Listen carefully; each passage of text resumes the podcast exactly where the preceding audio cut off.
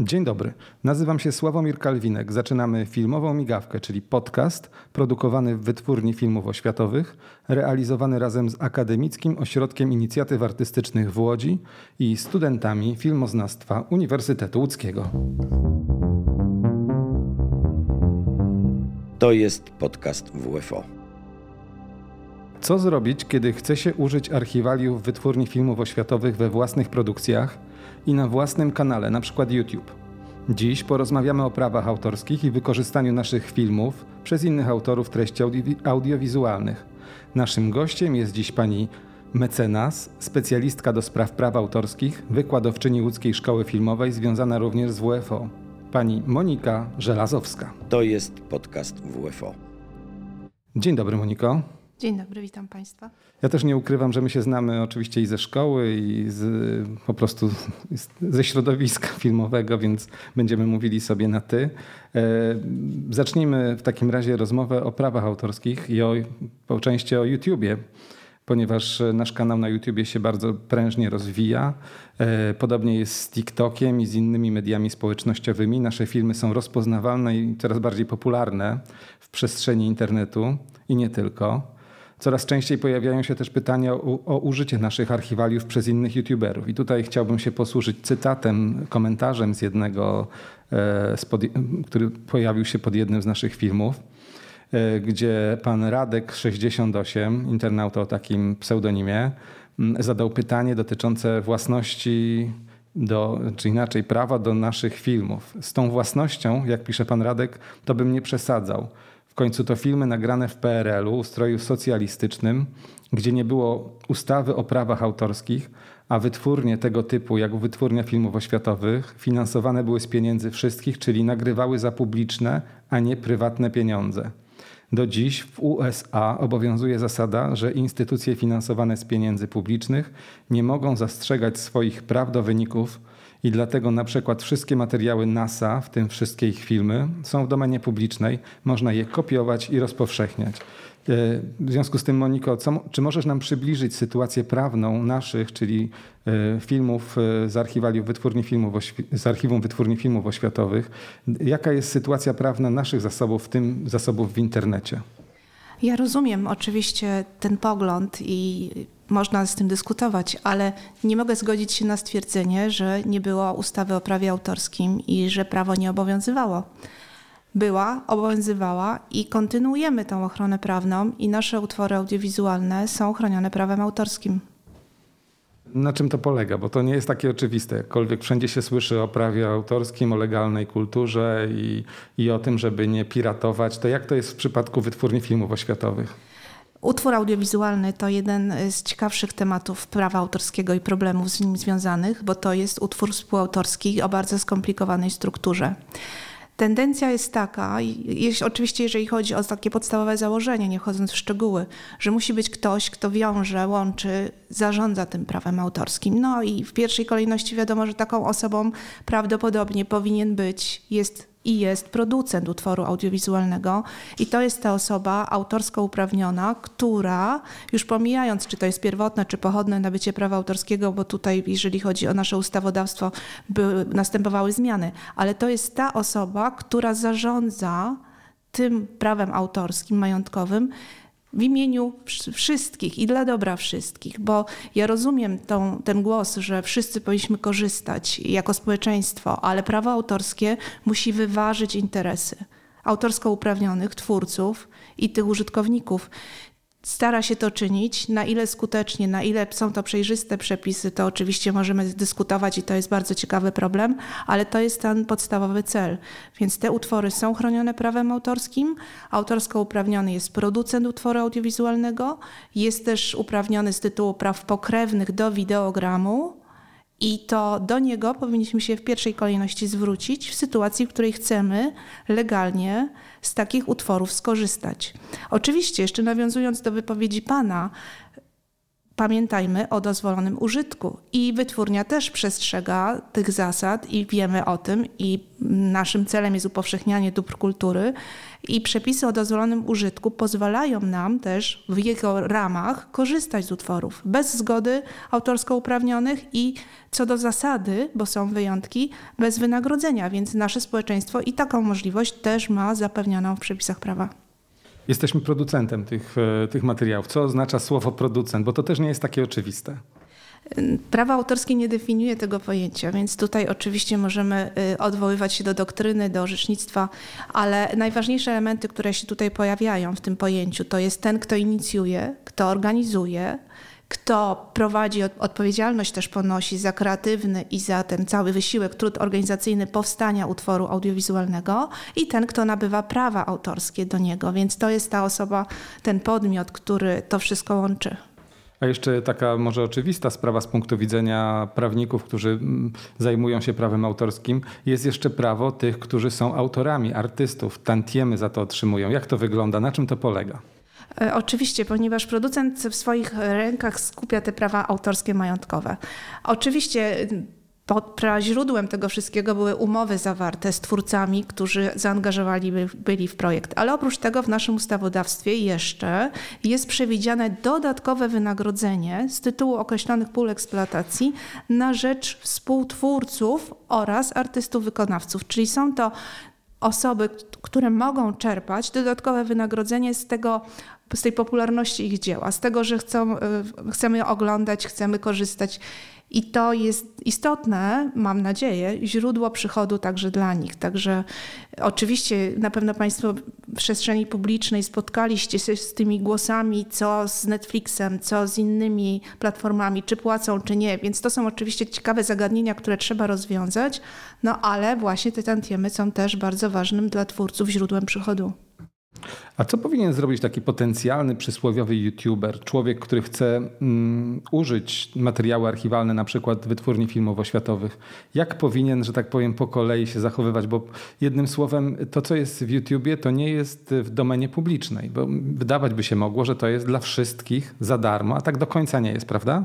No nie, żadnych praw nie przenosimy tutaj e, jako producenci i nie dajemy takiej licencji, nie udostępniamy w otwartym, bez żadnych ograniczeń e, sposobie korzystania z tych dzieł.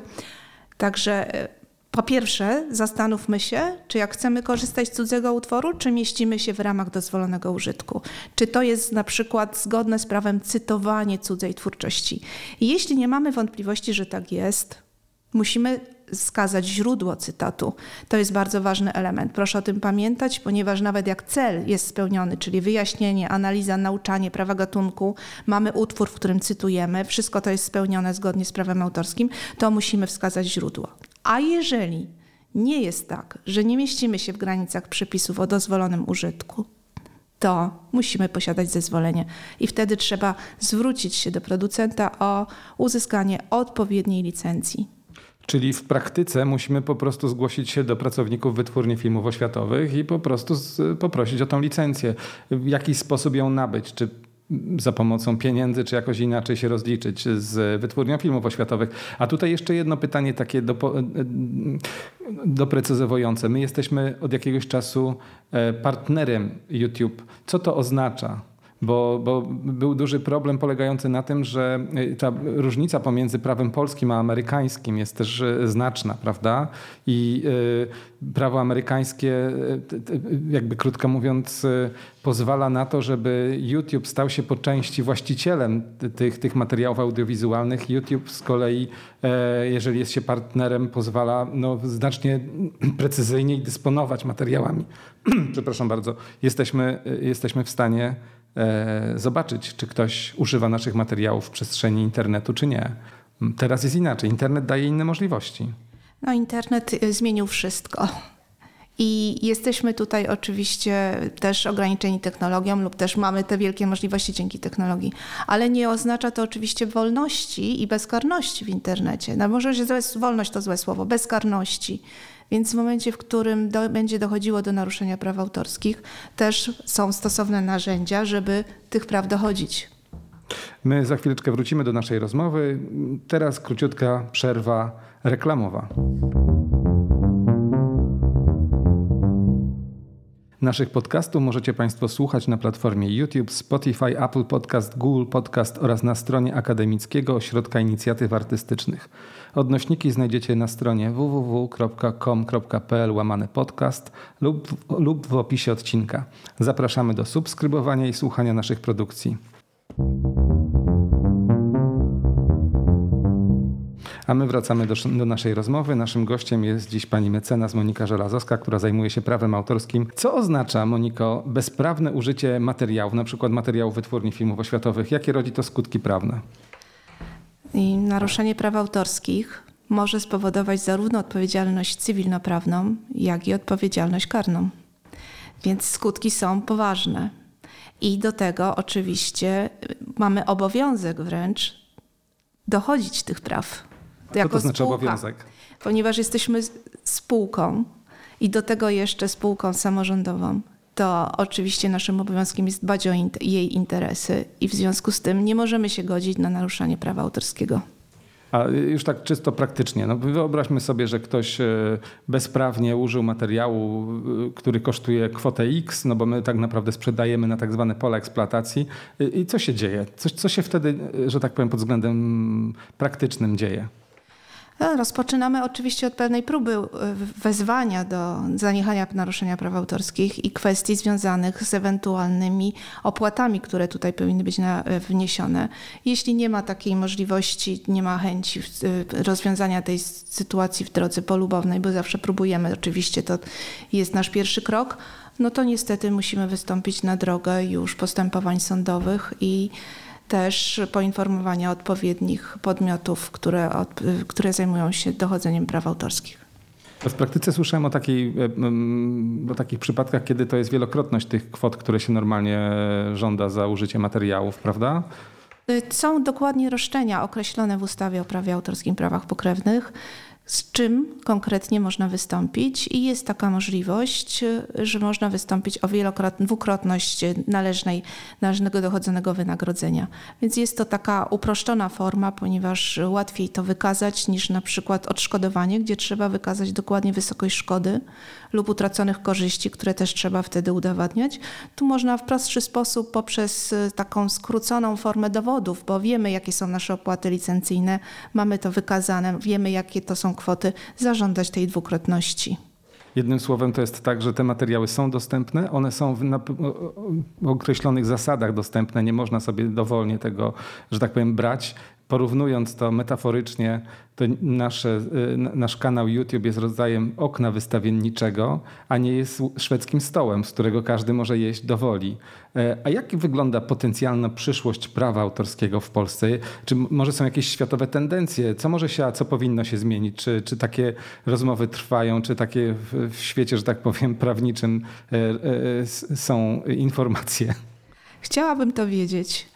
Drodzy Państwo, od początku istnienia prawa autorskiego są jego zwolennicy i przeciwnicy i możemy się zastanawiać, czy istnienie prawa autorskiego stymuluje twórczość i wpływa na ten rozwój, czy też odwrotnie, może ją hamuje.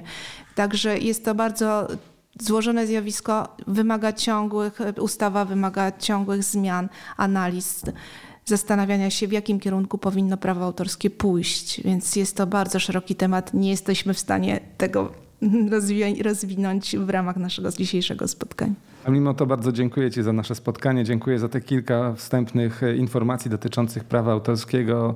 E, no myślę, że jeszcze nie raz będziemy mieli okazję porozmawiać. Dziękuję bardzo i bądźmy ostrożni, czytajmy, szukajmy informacji i nie naruszajmy praw autorskich dla dobra nas wszystkich. A naszym gościem była pani Monika Żelazowska ze Szkoły Filmowej w Łodzi oraz e, mecenas Wytwórni Filmowo-Światowych. To był podcast Filmowa Migawka.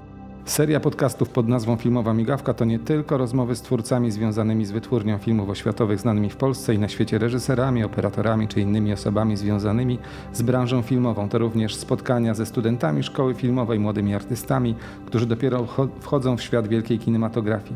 Jesteśmy obecni na festiwalach filmowych, poznajemy też edukatorów filmowych, a tak jak dzisiaj prawników. Zapraszam na kolejny podcast Filmowa Migawka już za tydzień. Do usłyszenia. To był podcast Filmowa Migawka.